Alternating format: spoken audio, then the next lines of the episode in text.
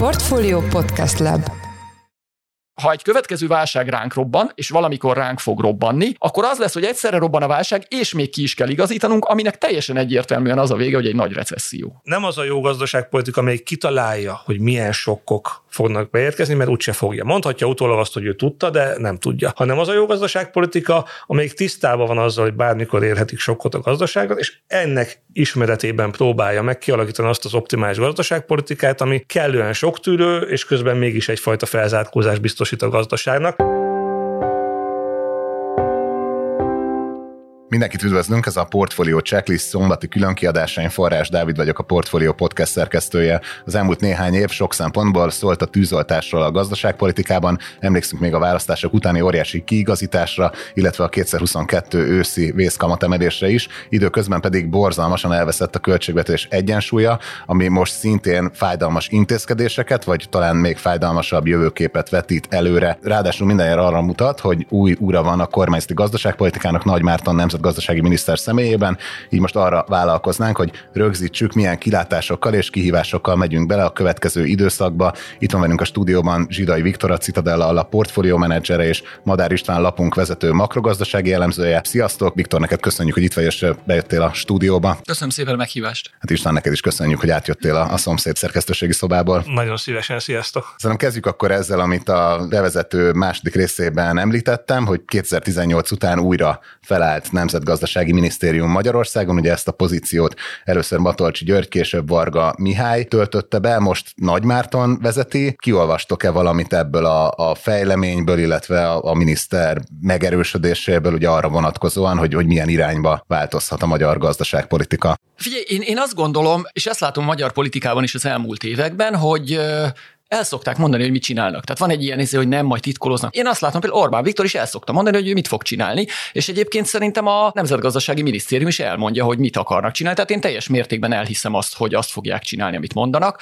És ebből a szempontból szerintem egyértelmű, hogy mi a kormányzati politika. Az is teljesen egyértelmű, hogy Nagy Márton irányítja a gazdaságpolitikát, tehát ő a, a végső tótumfaktum, ő fogja megmondani, hogy mi lesz. Neki az az elmélete, és ezt már ugye évek óta nyomja, csak ugye egyre nagyobb szerepet kap a kormányban, hogy magas nyomású gazdaságpolitika van. Ez azt jelenti, ugye, hogy költségvetés segítse a gazdasági szereplőket, olcsó hiteleket adjunk, pörgessük a növekedést. Az infláció az hát az olyan másodlagos fontosságú, azzal nem annyira kell törődni. Tehát szerintem ez egy nagyon-nagyon fontos változás, és egyre inkább megyünk előre ezen a magas nyomású gazdaság úton, kivéve amikor valamilyen külső sok megállít minket, és egy fél lépést hátra kell tenni. Én ezt látom. És Isten most lazulhat fel akkor csak igazán a fiskális egyensúly? Szerintem ezzel a mostani felállással tulajdonképpen intézményesült az, amit Viktor is az előbb elmondott. Ugye az látszik, hogy van mondjuk a gazdaságpolitikának, a makrogazdaságpolitikának három nagy prioritása, hogy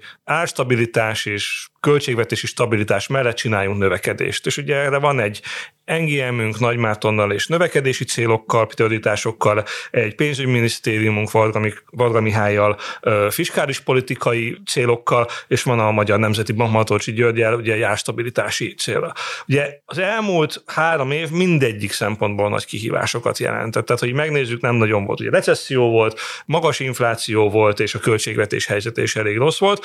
Kicsit előre tekintve azt lehet mondani, hogy talán most az infláció áll egyébként rövid távon úgy tűnik a legjobban. A gazdasági növekedésben is lehet bízni, de ott ugye nagyon nagyok az elvárások, és a költségvetés helyzete viszont meg elég rosszul néz ki, erről majd gondolom még beszélünk, és azt gondolom, hogy az, ahogy ez a kormányzati struktúra megváltozott, beleértve, vagy a gazdasági kabinetből kiszorult Varga Mihály, beleértve azt, hogy annak a vezetője Nagymáton lett, valóban úgy néz ki a dolog, hogy ebben a mostani helyzetben a három cél közül egyértelműen a, a növekedési cél begyűri maga alá a másik kettőt. Az a kérdés, hogy egyébként ez a begyűrés, ez pontosan milyen eredményre vezet. Az infláció esetében még majd később beszélünk, hogy a pozitív forgatókönyvként akár még az is fölmerül, hogy hát ha ezt valóban sikerült kinyírnunk, a költségvetés esetében viszont jóval nagyobbak a kérdőjelek. Térjünk is rá akkor a mai fő témánkra, ami a, a költségvetési deficit. Ugye az elmúlt években azt láttuk, főleg a koronavírus válság óta, hogy ilyen iszonyatos mértékű fiskális stimulusokkal tartották, vagy egyensúlyban, vagy finanszírozták a költségvetéseket, és sokan el is kezdték pedzegetni, hogy tulajdonképpen ezzel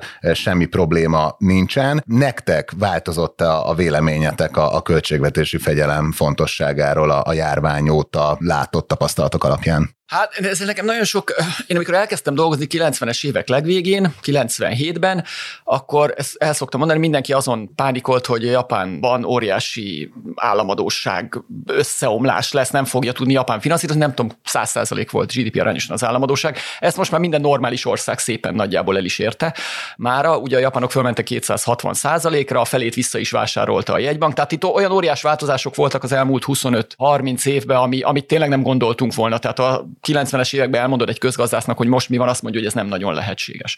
Tehát, hogy szerintem óvatosan kell fogalmazni, mert sokszor kiderül szerintem a közgazdaság tanul, hogy nagyon rosszul látjuk a dolgokat. De mindezek mellett is én azért azt gondolom, hogy a végtelenség nem lehet növelni a költségvetéseknek a hiányát és az államadóságot. Azt látjuk egyébként a második világháború után volt egy államadóság csökkenés, csökkentés, részben inflációval, részben növekedéssel a 60-as, 70-es évekig, és azóta az egész világban nő az államadóság. És én azt gondolom, hogy ez nem mehet a végtelenségig. Most egy kicsit úgy tűnik, mintha ez mehetne a végtelenségig. Én azt gondolom, hogy ezt meg kell, hogy fizessük valamikor az árát, mind Magyarországnak is, mind másoknak is. Szerintem az, amit most ugye Nagy Márton is mond, hogy hát nekünk is lehet nagy költségvetési hiányunk, mert mindenkinek az van. És akkor végül is menjünk ezen az úton előre, ez egy tévút és nem lehetséges. Nem lehet végtelen mennyiségű államadóságot kibocsátani. Ennek az a vége, hogy infláció lesz. Tehát, hogy ez, mivel annyi államadóság van, hogy ezt nem lehet máshogy megoldani, hogy ezt csak elinflálással lehet megoldani. De ez lehet, hogy tíz évig tart még. Tehát globálisan, strukturálisan ez egy nagy probléma, de ez nem biztos, hogy a következő két év problémája. Tehát akkor óvatosan kell ezzel benni, de az alapvetően nem változott az attitűdöd. Én, én nekem nem. E, egyébként nagyon érdekes,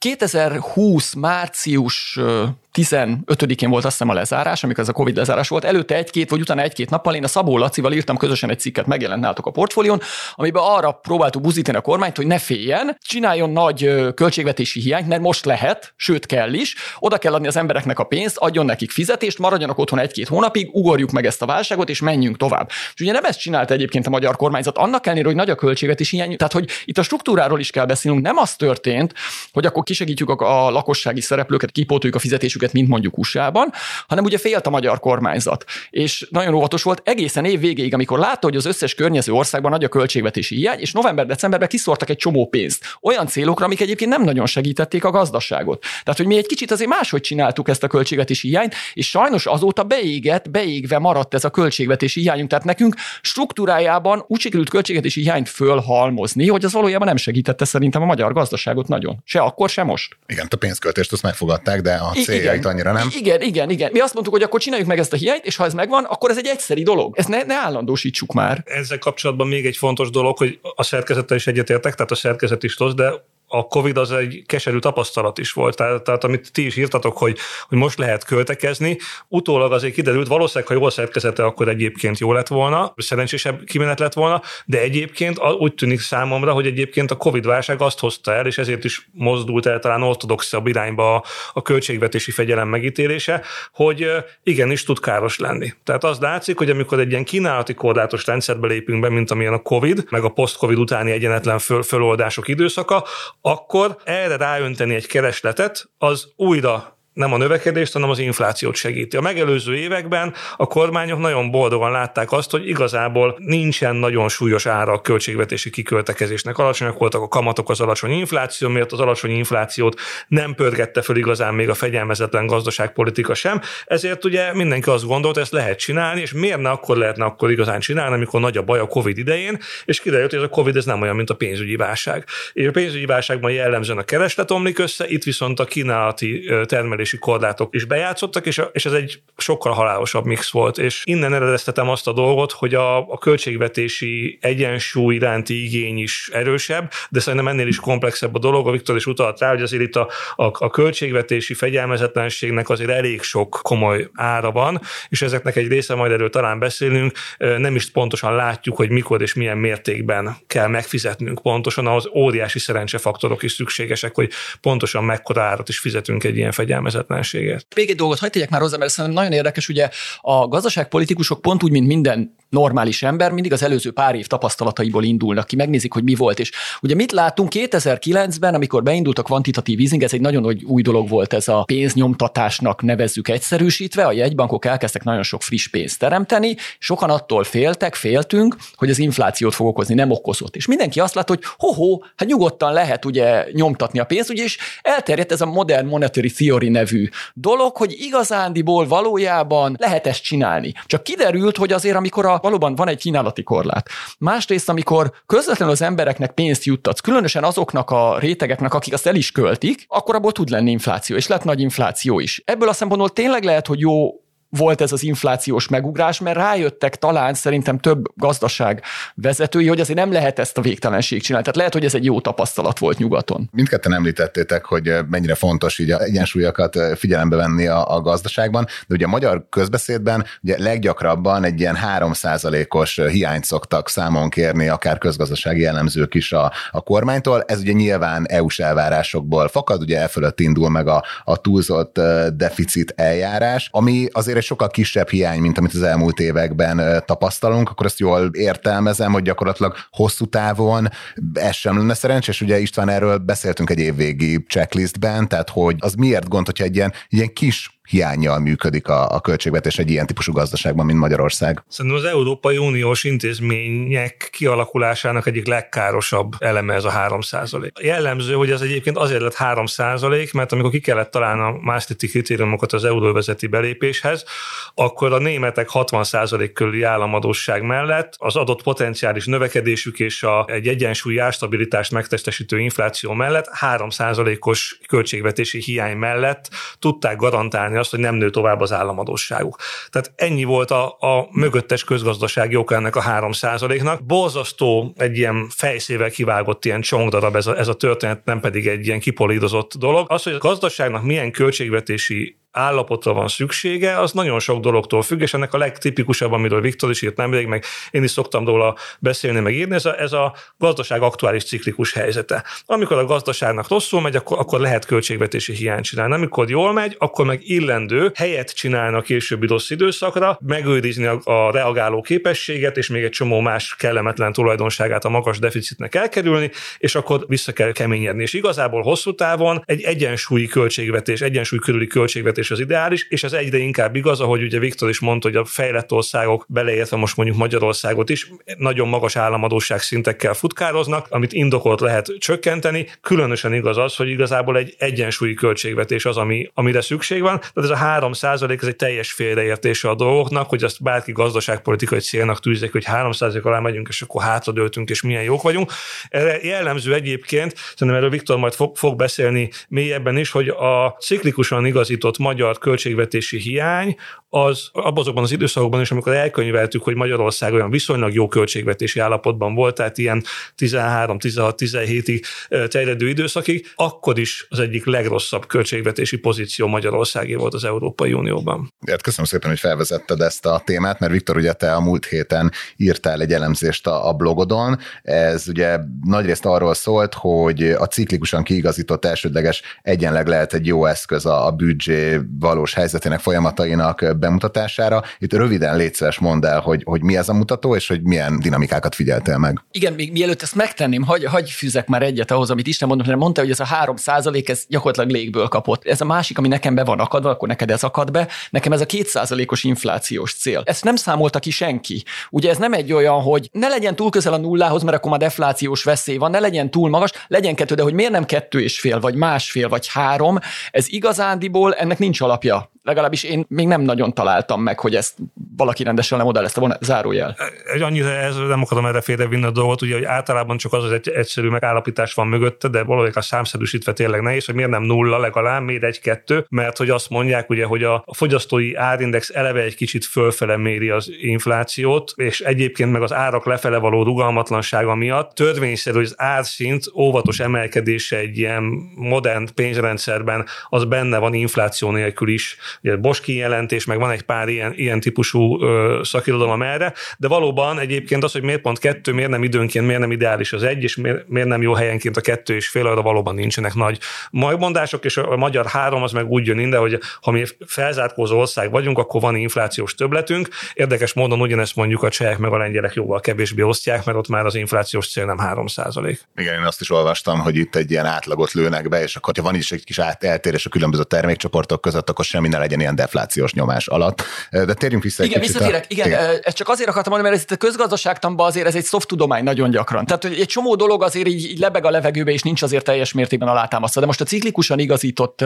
elsődleges hiány. Egyébként én azt mondanám, az elsődleges államháztartási hiány, amikor az államháztartási hiány a kamatkiadások nélkül. Ugye ez azért nagyon fontos, mert hogyha mondjuk feltételezzük, hogy mondjuk hosszú távon körülbelül az államadóságnak a kamata az annyi, mint a nominális növekedés. Tehát nő a magyar gazdaság, mit tudom én, 3% infláció, 3% növekedés, 6%-os kamatszint van, akkor hogyha a kamatkiadások nélkül számított hiányod az nullán van, akkor ugye nem nő az államadóságod. És ez kb. úgy nagyjából időnként, van amikor nem, de úgy nagyjából megáll a világban. Azt gondolom, hogy arra kellene törekedni az országoknak, hogy az elsődleges egyenlegük az nulla körül legyen. Jó időkben, amikor fellendülés van, akkor több, egy, két, három, négy százalék, akár rossz időben meg támogassuk a gazdaságot, akkor, akkor lemehetünk deficitbe. Csak ugye mi történik a valóságban a világban, hogy ugye amikor rossz idő van, akkor nyilván segíteni kell a gazdaságot, és akkor, akkor csinálunk költségvetési hiányt. Jó időben meg ugye melyik az a politikus, aki megszorítani akar? Hát akkor kisebb a növekedés,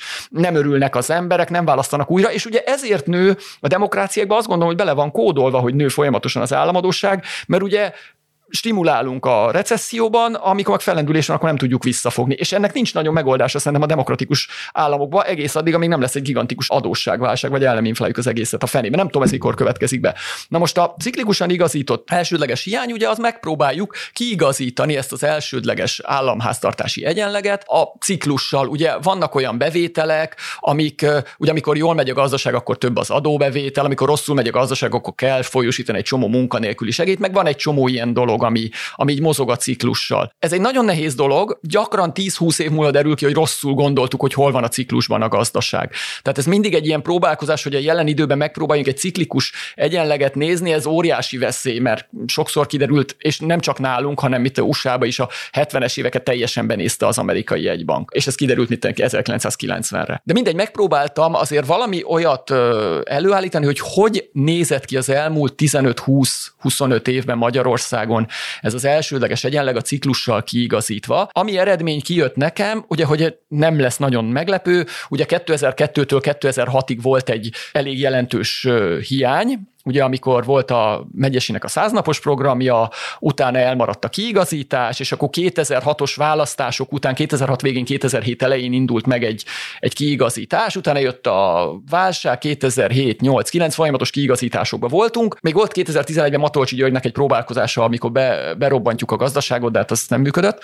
2013-14-re ez az elsődleges egyenleg ciklikusan igazítva azért már jelentős pozitívumban volt. És innen elkezdődött egy romlás, 16-ig nem annyira, 17, 18, 19-ben már megint mínuszba vagyunk, és 2020-tól hát ez a, ez a hiány ez nagyobb, vagy legalább akkora, nagyságrendileg azon a szinten van, mint 2005-6-ban volt, ami nem volt annyira jó utána. Tehát utána kiderült, hogy az, az azért annak nagyon meg kellett fizetni az árát, és én azért is írtam ezt a cikket, mert, mert én úgy látom, hogy nem nagyon van hajlandóság arra, ha csak nincs külső kényszer Magyarországon, hogy ezt a hiányt lefaragjuk. Egyébként a világban máshol sem, tehát ez nem nem, nem egy egyedi dolog Magyarországon, viszont azt gondolom, hogy ez egy nagy veszély, mert ha egy következő válság ránk robban, és valamikor ránk fog robbanni, akkor az lesz, hogy egyszerre robban a válság, és még ki is kell igazítanunk, aminek teljesen egyértelműen az a vége, hogy egy nagy recesszió. Természetesen magát a cikkedet azt linkeljük az epizódjegyzetekbe. Ugye ebben olvasható, hogy te a Gyurcsány korszak mélypontjának nevezed azt az időszakot, amihez most hasonlít a dinamika, azért ez biztos sokaknak fájhatott. Te István, te mennyire értesz egyet ezzel a helyzetértékeléssel, szóval miben hasonlítanak, vagy különböznek a... Szerintem a költségvetési helyzetben valóban sok a hasonlóság. Tehát ezen teljesen egyetértek nem csak a ciklikusan igazított elsődleges egyenleg, hanem ennél sokkal egyszerűbb mutatókban is. A költségvetés, az államháztartás finanszírozási igénye minden szempontból a költségvetés az nagyjából ott van, ahol akkor volt, amikor a legsúlyosabb költségvetési válságról beszéltünk. Nem látunk, tehát nem, nem túl transzparesek a költségvetési gazdálkodási folyamatok, az utóbbi időben pedig egészen tragikusak. Most csak azt mondom, hogy például az idejére nincs költségvetésünk. Nagyon nem látni, hogy, hogy pontosan mi zajlik egy államháztartásban, rengeteg ilyen titkosított, féltitkosított kormányrendeletekben repülnek ki 10 milliárdok a költségvetésből, de ez alapján az a benyomásom, ami pontosan ugyanebben a Viktor által is megénekelt 2006-10 közötti időszakban is volt, hogy nem ura a költségvetésnek a, a kormányzat. De ezt mit értesz, hogy nem, nem ura, hogy ahogy esik, úgy pufa nem, majd? Nincs, talán nincs is, mint a kormányzat egészének összességében nincs különösebb igénye arra, hogy, hogy ezt megtegye, és a különböző egyéb típusú igények, a növekedési, osztogatási, bármilyen politikai, más egyébként legitim gazdaságpolitikai szempont azonnal az első módon, ha rosszul érzem magam, akkor iszok alapon történik a dolog, és ez, ez, a, ez a fajta fiskális alkoholizmus, ez, ez szerintem talán azt mondanám, hogy csak látensen volt jelen az európai adósságválság évei környékén azért, mert hogy akkor ugye a külső kényszer ezt megakadályozta, de valójában folyamatosan velünk volt, és az utóbbi években ez, ez valóban kidurran. Tehát az, hogy egy elvileg egy Covid-válság, ami kifejezetten nem, nem hozott nagy gazdasági visszaesést összességében, és azt is gyorsan koordináltuk. És ráadásul a költségvetésnek is papíron egyedi kiadásokkal kellett ezt kezelnie, semmilyen magyarázat nincs arra, hogy, hogy miért kellett beragadni ilyen 5-6 százalékos költségvetési hiány szinten GDP arányosan, mert egyszerűen semmilyen különösebb oka nincs annak, egészen biztos vagyok benne, hogy ebben csomó egyedi diszkrecionális, felesleges költekezés van benne, ami mindig fontosabb volt annál az utóbbi időben, mint ami egyébként a költségvetési fegyelem szempontját jelenti. Úgyhogy én, én azt gondolom, hogy ilyen szempontból nagyon hasonló. Amiben nagy különbség van, az egyéb hozzáadott körülmény. Tehát ugye abban az időben, amikor ez a 2006-10 és egészen 2008-ig terjedő időszakban, a, ugye 8-ra már a költségvetés elfogadható állapotba kezdett el kerülni, de nagyon magas volt a folyófizetési mérleg hiányunk, és nagyon erős volt a deviza kitettségünk. Tehát az országnak folyamatosan külső deviza forrásra volt szüksége. És amikor kitört a Lehman akkor gyakorlatilag befagyott az egész világ pénzügyi piaca, ugyan a költségvetés is kegyetlenül megérezte ezt, de, és nyilván ilyenkor ő az, amelyik először fizetésképtelenség állapotába tud kerülni, de igazából a, a fő sok, ami miatt ilyen óriási gazdasági visszaeséssel is járt az egész, az az, hogy egyszerűen az a GDP 6-7 százalékát kitevő folyófizetési mérleg hiányforrás, hogy eltűnt a gazdaságból. Tehát a GDP 6 százalékával így ki kellett így igazodni, hogy azt nem tudjuk elkölteni.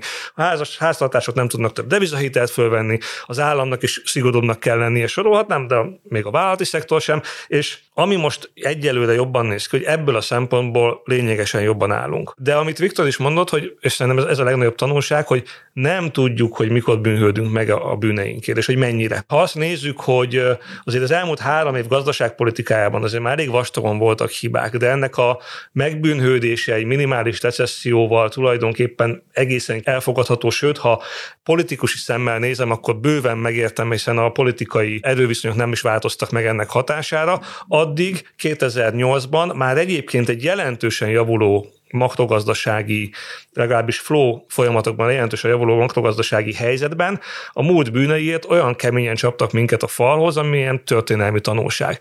És Viktor is célzott hogy előbb-utóbb mindig megbűnhődünk. Én azra egyetértek, ha végig így maradunk, akkor, akkor előbb-utóbb jön valami, amitől, amitől jön a büntetés.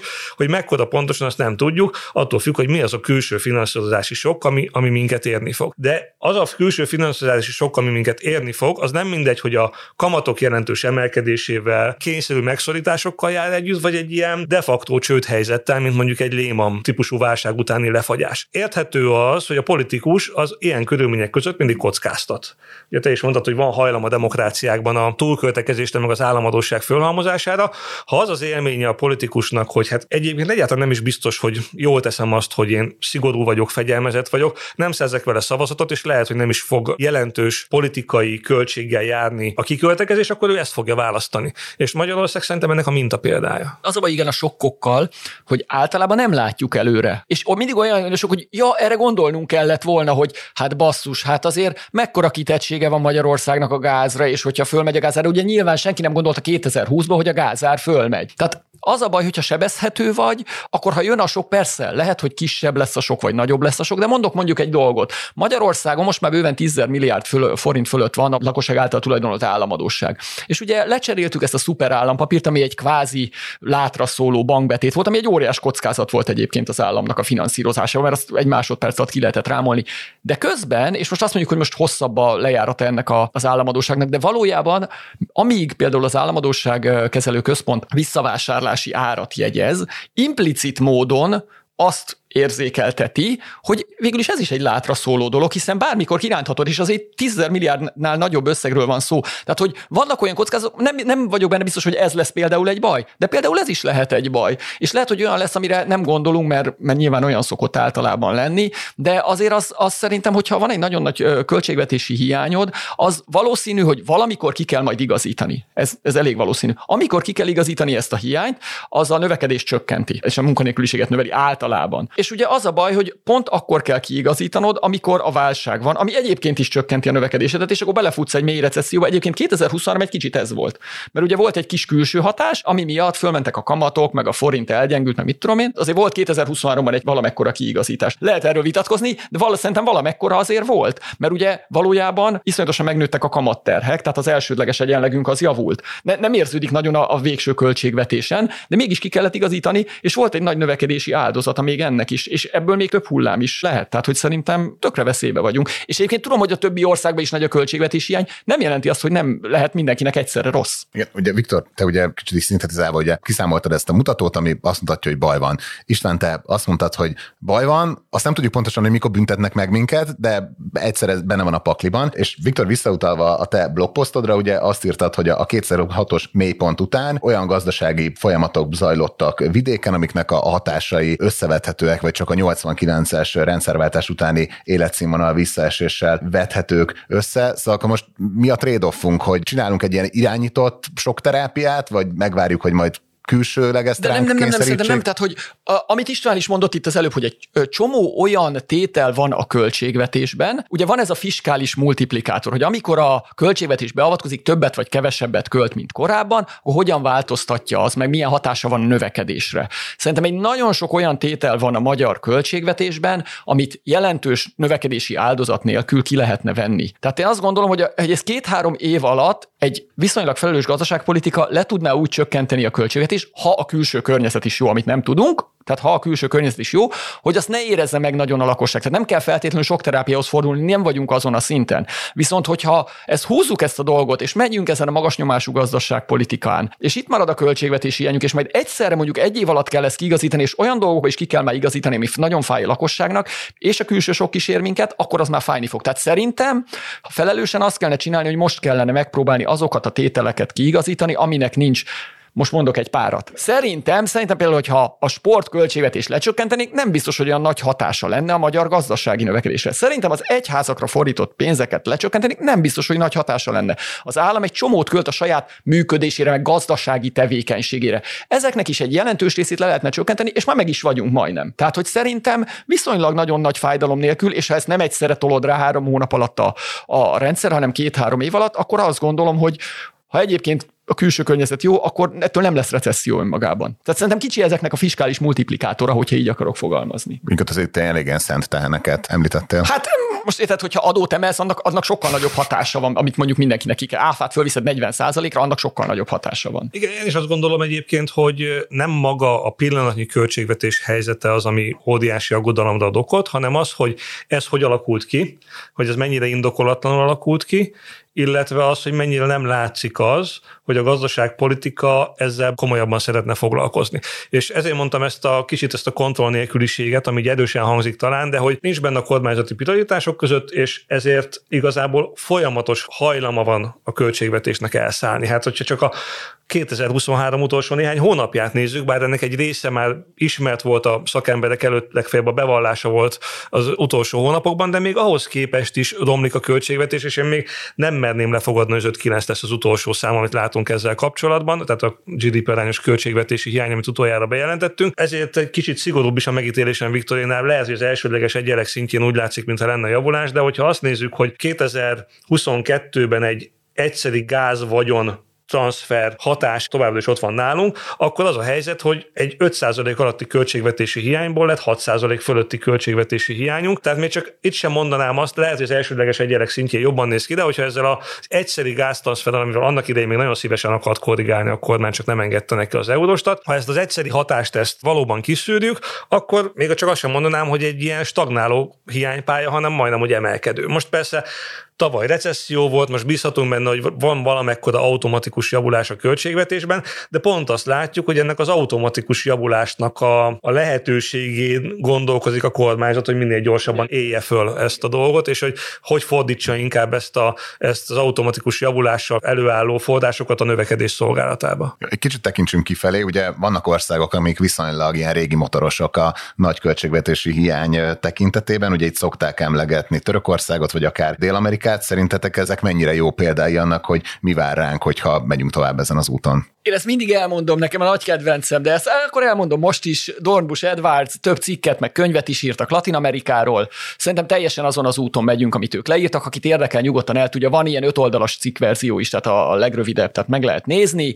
Valójában az történik, nagyon lerövidítve elmondom, jön egy negatív sok, összeomlik a gazdaság, hatalomra kerül egy új politikai erő, kitalálja, hogy ő egy teljesen új módon kezeli a dolgokat, föltalálják a spanyol viaszt, argentin utat, stb., és jön egy pozitív sok, és beindul a gazdaság, és azt gondolják, hogy ez azért van, mert ők nagyon értenek hozzá. És egy ideig megy a gazdasági növekedés, amikor elfogynak a lehetőségek, akkor, akkor elkezdenek monetárisan stimulálni, fiskálisan stimulálni, és egyre, egyre jobban tolják a stimulust, mert valahogy a növekedést fönn kell tartaniuk, egész addig, amíg ebből valami nagy káosz nem lesz. És Magyarországon pont ez volt 2008-as válság, utána ez volt a negatív sok, utána utána 2010-12-től elkezdtek jönni az EU-s pénzek, ez volt a pozitív sok, 17-18-ra kifogyott nagyjából a növekedésnek a, a belső hajtóereje, és azóta ráléptünk erre a magas nyomású gazdaságpolitikára, ezen az úton vagyunk, tehát hogy szerintem nem egy újdonság, ami történik, sok helyen megpróbálták már általában devizaleértékelődés, magas infláció, és rossz esetben adósságválság és devizaválság a vége. Tehát szerintem ez egy nagyon rossz út, és én évente kb. írok erről egy cikket, és mindig mondom, hogy le lehet térni róla, le lehet térni róla, és nem tértünk még le róla az elmúlt 6-7 évben, amióta erről írok. Szerintem a minták nagyon szépek és hasonlítanak. Én annyiban vagyok egy hajszál optimistább, hogy ha megnézzük, azért nálunk nem születtek még nagy növekedési katasztrófák, nem kerültünk 50-150 százalékos hiperinflációs körbe, és én ennek az okát elsősorban az uniós tagságban látom. Tehát azt gondolom, hogy az Európai Uniós tagság és az azzal járó intézményi kötöttségek, azok egyszerűen olyan gravitációs erőt jelentenek a gazdaság és a gazdaságpolitika számára, ami elegendően el tudja téríteni az egyébként szerintem is a elmúlt 30 év gazdaságpolitikai irányítása által szépen kijelölt úttól. A hajlamot. A hajlamot, hogy a masszív alkoholistából zugivók leszünk, az infláció nem száll annyira el, a, az állam nem kerül, vagy csak nagyon ritkán kerül csődközeli helyzetbe, amiből aztán az intézmények azok ki is, ki is mentik, e, és ez, ez, ez összességében jelent egy olyan horgonyt nekünk, ami szerintem nem csak azért jó, mert hogy közös piac van, hanem azért is, mert egy olyan norma rendszer részét képezzük, ami távol áll a török meg argentin úttól, és ennek a vegyes eredményeit látjuk Magyarországon. Magyarországon. De tudod, erre van egy ellenpélda az Európai Unióban.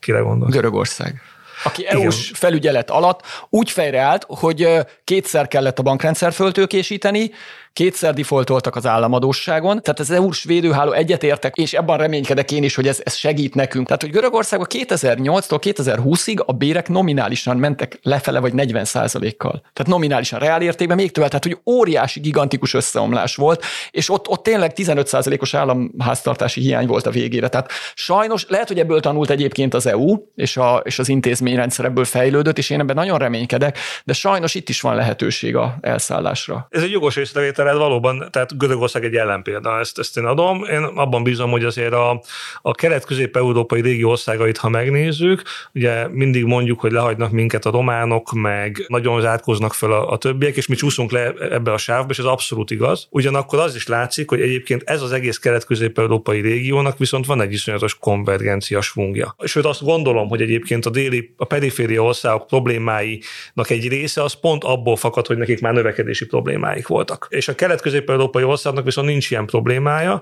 és mivel nincs ilyen problémája, egyelőre nem olyan erősek azok a hajlamok, hogy ez ilyen végzetessé váljon, mint mondjuk amilyen végzetessé vált Görögországban.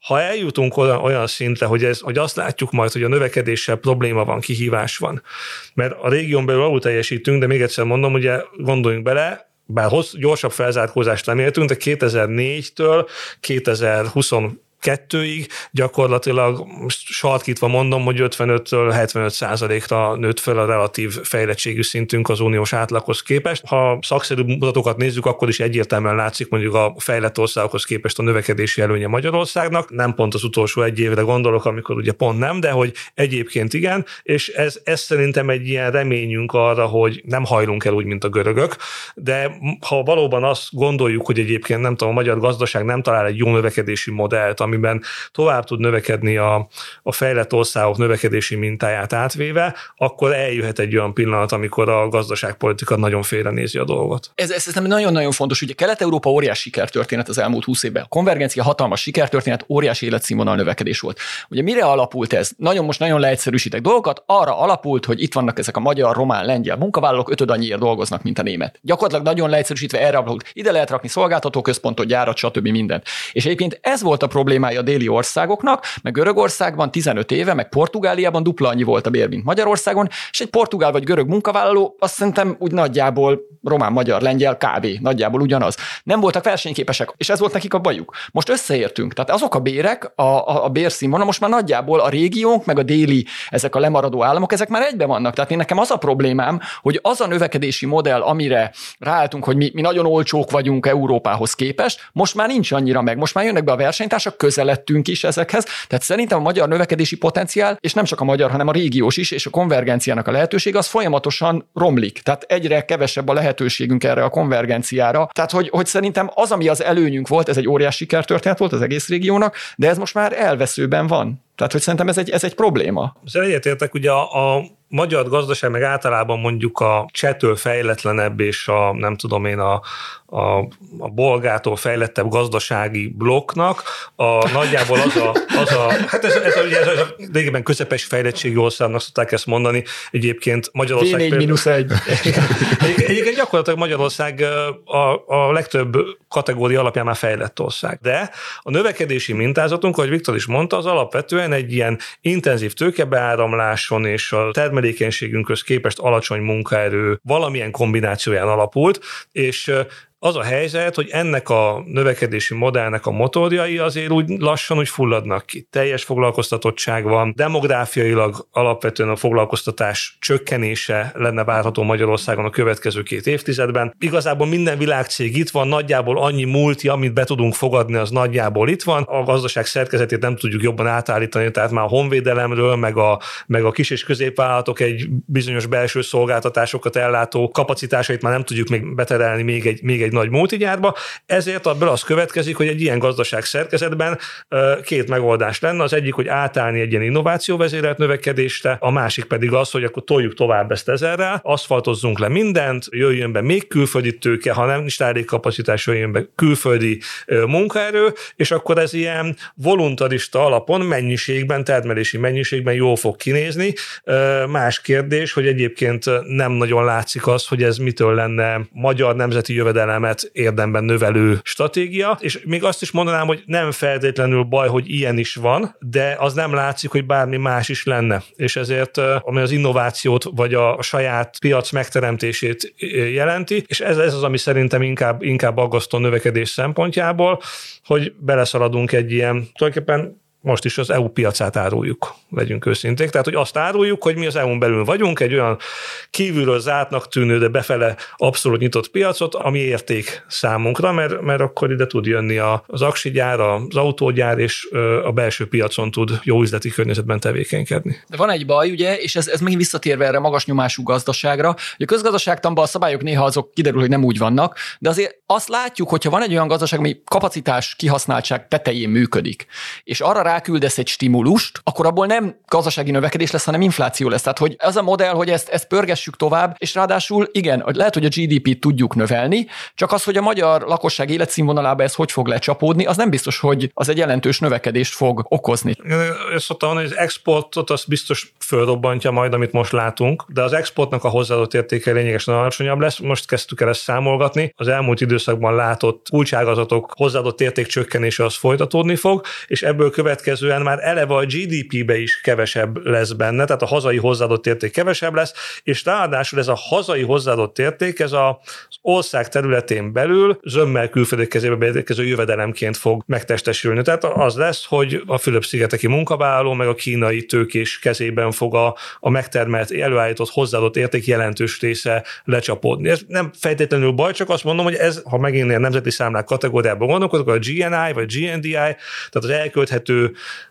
tényleg a nemzeti jövedelem az nem fog olyan mértékben növekedni ettől a modelltől, mint amennyire örülünk majd a 40%-os export volumenindexünknek, hogy az hú milyen jó, csak abból aztán azt fogjuk látni, hogy a GNI-ban, magyar életszínvonalban ebből nem sok minden fog meglátszódni. Ugye ez, erről van ez a például ez a nagy vita, hogy a EU, EU stat néző a lakossági, egyfőre jutó valós lakossági fogyasztás, hogy milyen rosszul állunk abba. Tehát, hogy, hogy tud jelentős különbség kialakulni a között, hogy a GDP jól megy, miközben a lakosság nem tud ebből sokkal többet fogyasztani. Tehát, hogy ez simán simán van ilyen. Örülök, hogy egy kicsit beszéltünk a növekedési kilátásokról, bár nyilván ez egy teljesen másik nagy beszélgetésnek a témája is lehetne, mert ez szerintem pont rávezet minket arra, hogy végül is a politikusok is lefolytathatnak ilyesmi beszélgetéseket, hogy hát végül is jönnek a gyárok, hát végül is nőni fog a GDP, többet fogunk exportálni, hogyha egy kicsit felfutnak a külpiacaink, akkor abból nekünk is csúran cseppen, és hogy ezzel kapcsolatos, hogy mennyire fedheti el az a problémáinkat, amiről ugye tavaly nagyon sokat beszéltünk, hogy az EU-s pénzek kérdése, hogyha valami egy olyasmi helyzet áll elő, hogy nem jönnek jönnek az EU pénzek, akkor Viktor erről te nagyon sokat írtál, ami azt mondta, hogy gyakorlatilag itt nem csak a, a pénz fog hiányozni, hanem a külpiacok azt fogják mondani, hogy ú, hol képzeli el Magyarország a, a, a jövőjét.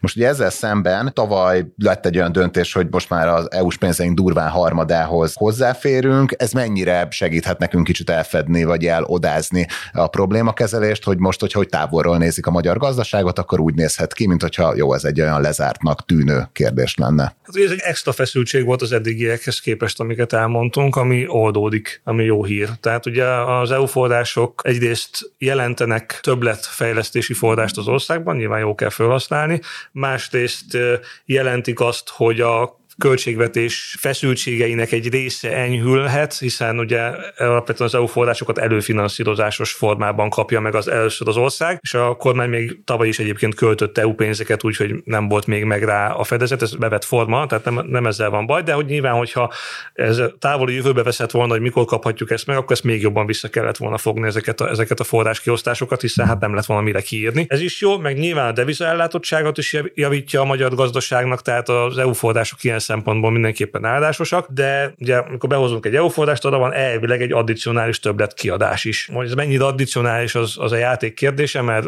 elvileg az EU elvárná az addicionalitást, valójában meg nyilván nagyon sokszor vált ki nemzeti forrást, de minden esetre az a helyzet, hogy ez szerintem az alapproblémánkat nem feltétlenül változtatja meg. Rövid távon segít, jól néz ki, és ami szerintem talán erről Viktor is fog majd beszélni, hogy nyilván egy jobb képet fest arról, hogy az EU és Magyarország viszonya milyen. Tehát mégiscsak meg tudtunk állapodni bizonyos dolgokban, még akkor is ebben elképesztő ilyen politikai kavarások, csődéscsavarások, időzítési játékok, minden, minden benne volt, de végé, végé mégis az lett, hogy azért beleadtuk annyira a derekunkat, hogy kapjunk pénzt. És ez azért mégiscsak azt jelzi, és jelezheti például a pénzügyi piacok, a finanszírozóink szempontjából is, hogy Magyarország itt képzel el a jövőjét az EU-ban, és ez nyilván mindig egy, egy kockázat csökkenést jelent egy pénzügyi finanszírozó szemében is. Tehát ez, ezek, ezek miatt én azt gondolom, hogy ez abszolút egy jó hír, de nem, nem csodaszer. Tehát ettől nem fog megoldódni az, hogyha minden pénzt el akarunk költeni, sőt még többet, és csak a növekedés az, e, az egyetlen célunk, és e, ezt a növekedést nem biztos, hogy pont ideális struktúrában, modellben képzeljük el, akkor ez nem oldja meg az összes problémánkat. Mindent elmondtál. Tehát, hogy igen, jó hír, nagyon jó hír, de az, hogy hosszú távon mi merre fogunk menni, mi a mi modellünk, amin fejlődni szeretnénk, azon ez nem változtat. Beszéljünk egy kicsit ilyen felfele mutató kockázatokról. Mekkora az esélye arra, hogy ilyen jelentős kiigazítás nélkül jön egy külpiacainkon konjunktúra, jön egy világpiaci fellendülés, és így kinövekedjük ezeket a problémákat. Mond, mondhatunk ilyen pozitív kockát, szerintem nincs ennek nagyon nagy esélye, mert szerintem az fog történni, ez teljesen szubjektív, amit mondok, az fog történni, hogyha lesz egy külső konjunktúra, akkor a magától javuló helyzetünket azt további stimulusra fogjuk ölteni. Ezt én így gondolom, mert szerintem ez a, ez a modellje a kormányzatnak, ezt nem, nem én találtam ki, ezt ők megmondták, stimulálni akarnak. Természetesen lehetséges, tehát abszolút lehetséges, és nyilván egy külső konjunktúra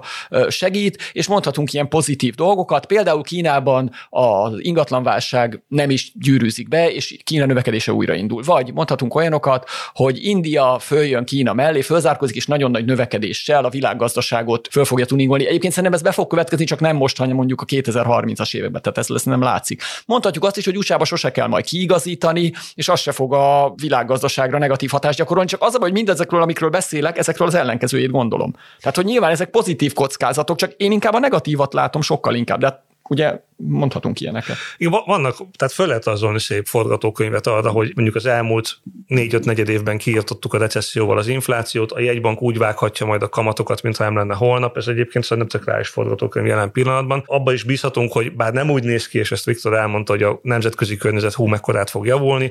Ugye éppen a héten jött ki egy olyan ipari termelési adat, ami után a Nemzetgazdasági Minisztérium ki is adta a kötelező húra optimista közleményét, hogy hát egyrészt ők pörgetik tovább a gazdaságot, másrészt a ők azt látják, hogy milyen jól állnak a, a külföldi konjunktúra mutatók, és az nagyon jó, sokat fog segíteni a gazdaságon és az iparon a következő hónapokban is már, ezt egyelőre én annyira nem látom. De van egy olyan forgatókönyv valóban, hogy egy alacsony inflációjú, de magas növek, az recesszió után egy korrekciós jelleggel is magas növekedésű néhány évbe belecsúszunk, egy támogató külső környezetbe, és ezt arra fogjuk használni, hogy a költségvetést is gatyába rázunk, és nem arra, hogy 2,5-3 százalék helyett 4,5-5 százalékkal növekedjünk, hanem arra, hogy a költségvetés állapota legyen strukturálisan rendben, és akkor lehet, hogy ebben van egy olyan szép modell, ahol, amiről beszéltünk, hogy nem is bűnhődünk meg ezekért a bűnökért nagyon, mert hát mire megbűnhődnénk, addig lefele tartó adósságpálya, minden szép makrostabilitás és elfogadható növekedés áll helyre. De, ahogy Viktor is mondta, nagyon sok a kockázat, és az a szomorú ebbe a dologba, hogy ezt valóban senki nem tudja. Tehát a, aki azt mondja, hogy ezekről a sokkokról bármit tud, és ő azért lépi ezt a gazdaságpolitikában, azért vállal kockázatot, mert ő tudja, hogy nem lesznek ilyenek, az nem mond igazat. Tehát az a kérdés csak, hogy a sokkok esélyét, meg a sokkoknak a véletlenszerű beesését, azt mennyire tudja elviselni az adott pillanatban az ország, meg hogy mekkora sok is esik be végül ebbe, a, ebbe az egész történetben. Annak idején, ha Léman megmentik, lehet, hogy Magyarországon nem lett volna pénzügyi válság. Tehát, hogy nagyon sok olyan külső tőlünk függ független tényező van, amire nincs ráhatásunk. De nem csak, hogy nincs ráhatásunk, még a világ se tudja. Ugye a közgazdasági elméletben a sok az klasszikusan az a gazdasági jelenség, ami, amit senki nem tud, és mindenkit váratlanul él. De mindig van valahogy. De mindig jön, igen. Ezért mondom azt, hogy nem az a jó gazdaságpolitika, amely kitalálja, hogy milyen sokkok fognak beérkezni, mert úgyse fogja. Mondhatja utólag azt, hogy ő tudta, de nem tudja. Hanem az a jó gazdaságpolitika, amelyik tisztában van azzal, hogy bármikor érhetik sokkot a gazdaságot, és ennek ismeretében próbálja meg kialakítani azt az optimális gazdaságpolitikát, ami kellően soktűrő, és közben mégis egyfajta felzárkózás biztosít a gazdaságnak. Ebben a kormány most letette egy irány mellett a garast, szerintünk, talán ez kiderült, ez egy kockázatos irány. De egyébként hagyd mondja pozitívumot. Tehát 2024, ez az év egyébként lehet tök jó is a magyar gazdaságnak. Most lesz mondjuk 10% béremelkedés, nem tudom, a magyar gazdaságban, és kiderül, hogy csak 4-5% az infláció. Akkor lesz egy nagy reálbérnövekedés, elindul a lakosság fogyasztás növekedése. Vannak arra jelek, hogy talán a, az ipari ciklus a fejlett világban most, meg az inventori ciklus egy olyan ponton van, hogy az első fél év, vagy az első egy-két-három negyed év jó tud lenni a világgazdaságban, akkor arra a magyar ipar is rá tud ülni, közben jönnek az Európai Uniós pénzek, tehát hogy, hogy a 2024-es évben lehet egyébként Magyarországon simán egy tök jó növekedés is, és valóban lehet az is, hogy ez, ez segít a, a költségvetési helyzetnek magától egy jelentős javulásába, ha nem költjük el. Tehát, hogy, hogy a 2024-es év lehet, hogy nagyon-nagyon jó lesz a magyar gazdaság számára, de az is lehet, hogy nem. Tehát ez, amit István mond, nem tudjuk előre, tehát sajnos nincs ilyen tudása a közgazdaságtannak, hogy ezt megmondja előre. Az, az biztos, hogy a jelenlegi tudásunk szerint szinte minden mutatónk javulni fog 24-ben, 23-as képest. Jobb Igen. lesz a külső egyensúlyi pozíciónk, talán a költségvetés is egy kicsivel, nem tudjuk mennyivel, és az infláció is jobb lesz a növekedés, meg természetszerűen ugye a tavalyi recesszió után az idén biztos, hogy lesz növekedés, inkább ennek a mértéke a kérdéses csak. Ez egy javuló szituáció, az a kérdés, hogy mit kezdünk vele, és ugye ebben a mostani helyzetben pont azért ülünk itt és beszélgetünk erről, mert hogy az látszik, mint hogy ennek a mostani szituációnak a, az igazi vesztese az a költségvetés lenne. Nem biztos, hogy kellene, hogy ennyire legyen, lehet, hogy ennél egy, egy szervesebb, organikusabb gazdaságpolitikát kéne folytatni, amiben ez sem ekkora vesztes, mint amit most látjuk. Az interjú végén így egy ilyen kérdéssel visszatérnék a, a, az elejére a beszélgetésen, de tulajdonképpen ez már egy organikusan megtörtént, tehát igazából, hogyha most a következő időszak akár jobb is lehet, mint az elmúlt egy-két év, ez mennyire fűtheti tovább pont azokat a folyamatokat középtávon, amikkel eljutottunk ide. Azért azt is látjuk, hogy ahogy az elején beszéltük, Varga Mihály mintha visszaszorulóban lenne a kormánynak a, gazdasági stratégia alkotásában. Ugye Matolcsi Györgynek is körülbelül kicsit több mint egy év van hátra a jegybank élén, aki ugye az elmúlt időszakban valamilyen szinten egy ilyen ortodoxia képviselőjeként mutatkozott meg a kormány gazdaságpolitikájában, tehát hogy ti mennyire féltek attól, hogy a már eddig sem túl erős ilyen fékek és ellensúlyok rendszere tovább romlik a, a, a stratégia alkotásban. Hát én az, azt gondolom, itt az elején is elmondtam, szerintem Magyarországon a gazdaságpolitika irányítója az gyakorlatilag egy személy lett, Nagy Márton, és az ő víziója az a magas nyomású gazdaságpolitika. Szerintem ezen az úton fognak menni, és ez az út egyébként tud jelentős növekedést generálni, akár több negyedéven, esetleg több éven át is szerencsés környezetben, viszont azt gondolom, hogy jelentős inflációt is fog okozni, és a költségvetés kiigazítása nem nagyon fog menni. Nekem ez a véleményem. Ez, szerintem ez egy jó alapforgatókönyv, az előbb beszéltünk a pozitív forgatókönyvekről. Nyilván, hogy az elején mondtam, hogy ugye megvannak ezek a súlypontok a gazdaságirányításban, a gazdaságpolitikában, intézményi és személyi szinteken. Ezek között a konfliktusok nyilván annál nagyobbak és annál látványosabbak, minél inkább nem sikerül ebben egy, egy, egy harmonikus egyensúlyt kialakítani.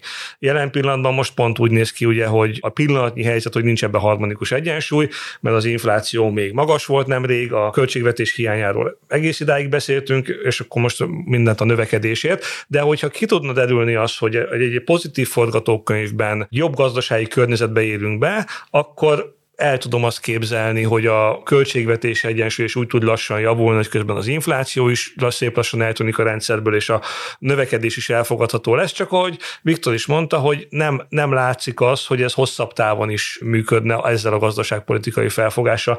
Rövid távon szerintem simán lehet, hogy itt nem tudom én áprilisban mondjuk arról fogunk beszélgetni, hogy milyen örvendetesen eltűnt az infláció az országból, hogy a növekedés jelei is megjelentek a gazdaságban, és egyébként pedig ez talán a költségvetést is majd előbb-utóbb hatni fog, és akkor örül mindenki rövid távon, csak hát az látszik, hogy amíg ez a fajta gazdaságpolitikai felfogás van, és ez a fajta növekedési felfogás, addig ezek a típusú konfliktusok félő, hogy újra és újra kódolva megjelennek a gazdaságpolitikában is, meg a gazdaságban is. Nagyon szépen köszönjük, hogy itt voltatok a, a műsorban, és egyrészt kicsit értelmeztük a ide vezető folyamatokat, másrészt pedig így kitekintettünk, hogy így rövid és középtávon milyen implikációi lehetnek a, a jelenlegi gazdasági folyamatok folyamatoknak, vagy a kormány gazdaságpolitikájának. A checklist szombati külön kiadásában itt volt velünk Zsidai Viktor, a Citadella alap portfólió menedzsere. Köszönjük, hogy a rendelkezésünkre álltál. Köszönöm, hogy meghívtatok. És itt volt velünk Madár István, a portfólió vezető makrogazdasági elemzője. István, neked is köszönjük, hogy itt voltál. Én is köszönöm. És a mai műsor ezzel véget ért. A mai adás elkészítésében részt vett gombkötő Emma, a szerkesztőjén Forrás Dávid voltam. Új hagyományos hírelemző adással hétfőn jelentkezünk, addig is minden jót kívánunk. Sziasztok!